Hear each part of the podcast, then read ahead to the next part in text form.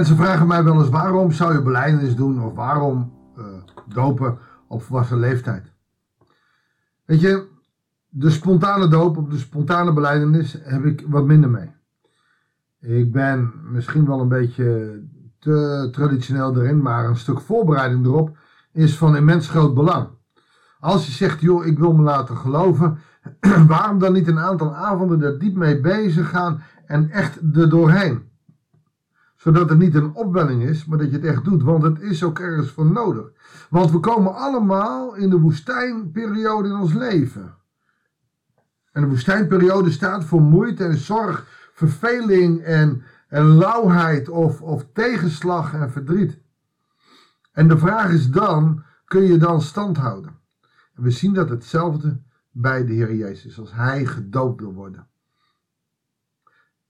Goeiedag, hartelijk welkom bij een nieuwe uitzending van het Bijbels Dagboek. We lezen vandaag in Matthäus 3, vers 13 tot en met hoofdstuk 4, vers 11. En die twee komen bij elkaar, die beleidenis, die doop, die hele bewuste doop van Jezus, terwijl Hij God was en niet gedoopt hoefde te worden, wilde Hij dat wel, om te groeien in zijn kracht door de Heilige Geest. Om vervolgens ook de woestijnperiode aan te kunnen.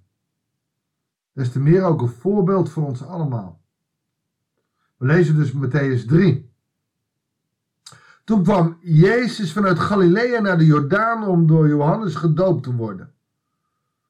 Maar Johannes probeerde hem tegen te houden met de woorden: Ik zou door u gedoopt moeten worden, en dan komt u naar mij?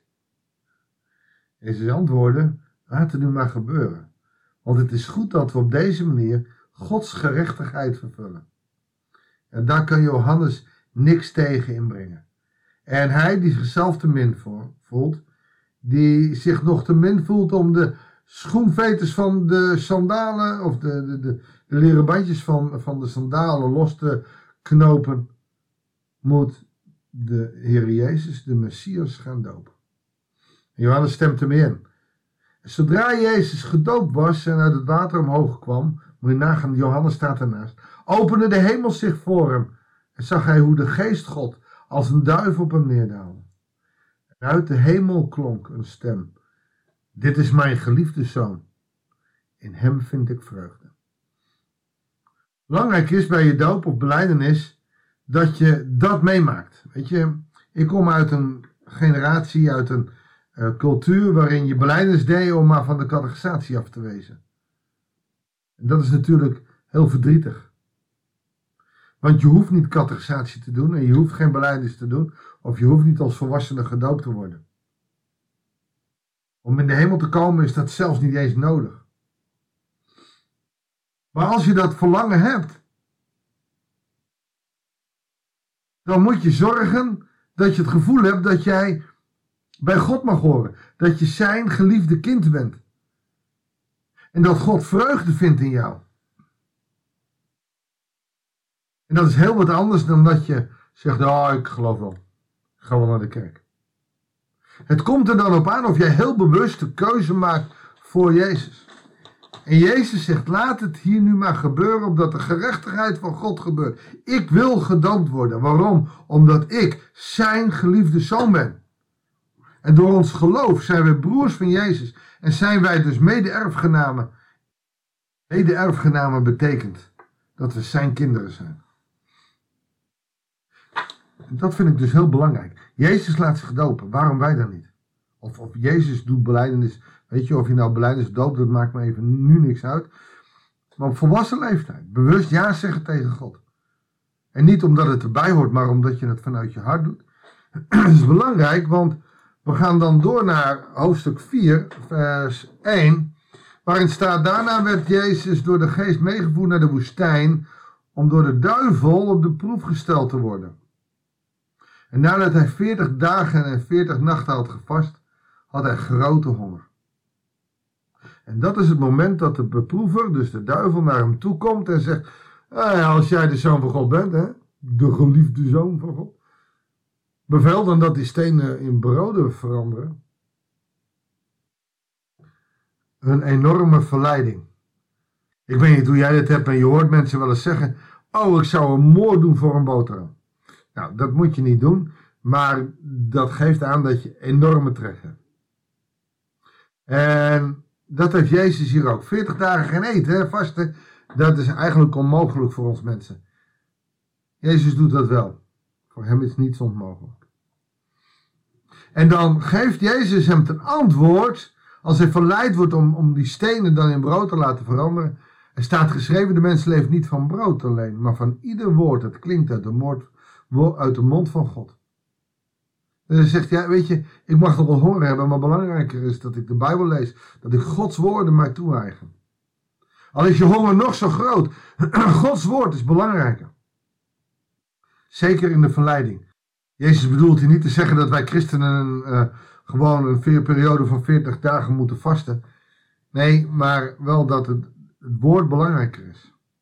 Weet je, die honger staat bij ons ook voor, voor, voor de honger naar macht, geld, status, naar meer.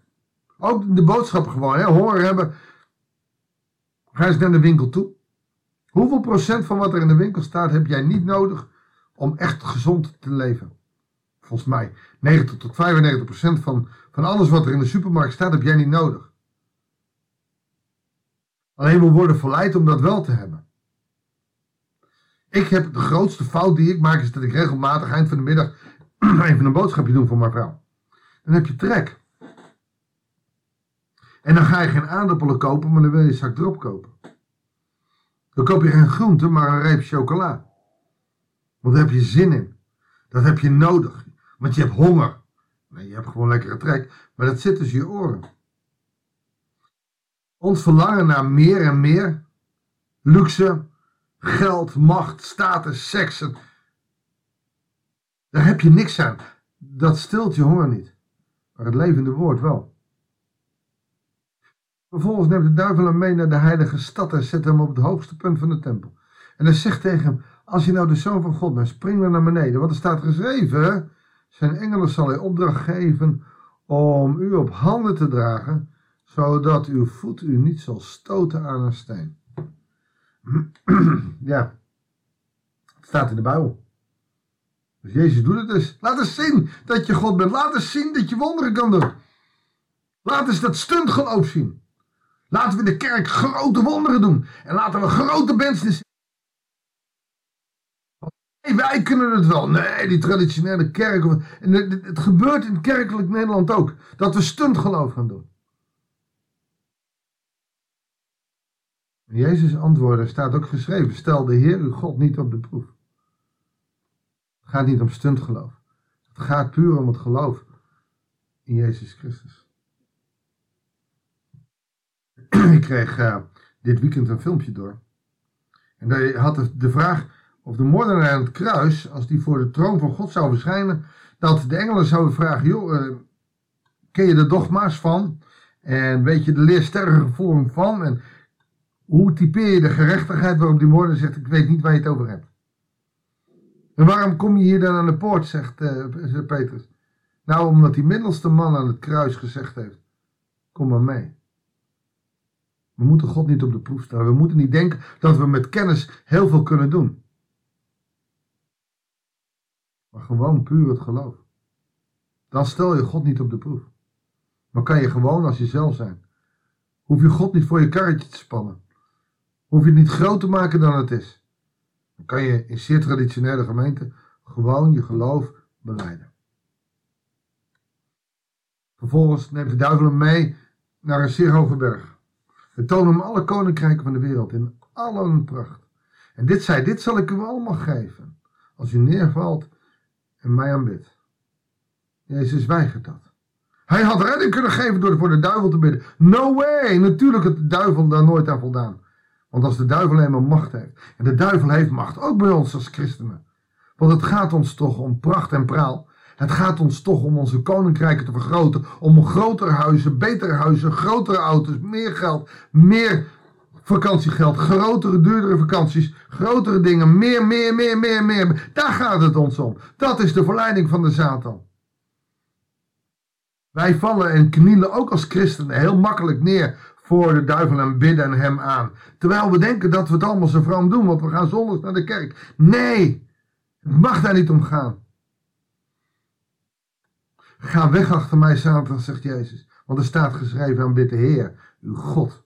Vereer alleen hem. En hij vraagt niet om status. Hij vraagt niet om geld. Hij vraagt niet hoe groot onze huis is. Maar hij vraagt hoe afhankelijk we waren van hem. En hoe groot ons geloof in hem is. En dat heeft niks met geld, seks en status te maken. Dat is de status van ons geloof in ons hart. Dat heeft niks te maken met kennis van de Bijbel en alles uit je hoofd weten. Maar dat is of je hart gericht is op hem, of je gehoorzaam bent. Moordenaar aan het kruis. Geen Bijbelboeken uit zijn hoofd te leren. Geen dogma's te kennen. Die had er nog nooit van gehoord. Die wist niet hoe een kerk van binnen eruit zag en hoe een lidmaatschap werkte. Maar hij was in de hemel. Waarom? Omdat die middelste man aan die drie kruisen, Jezus, hem had uitgenodigd. Als wij, net als die moordenaar aan het kruis, gewoon luisteren naar Jezus, dan zal de duivel ons met rust laten. Dan komen de engelen om voor ons te zorgen.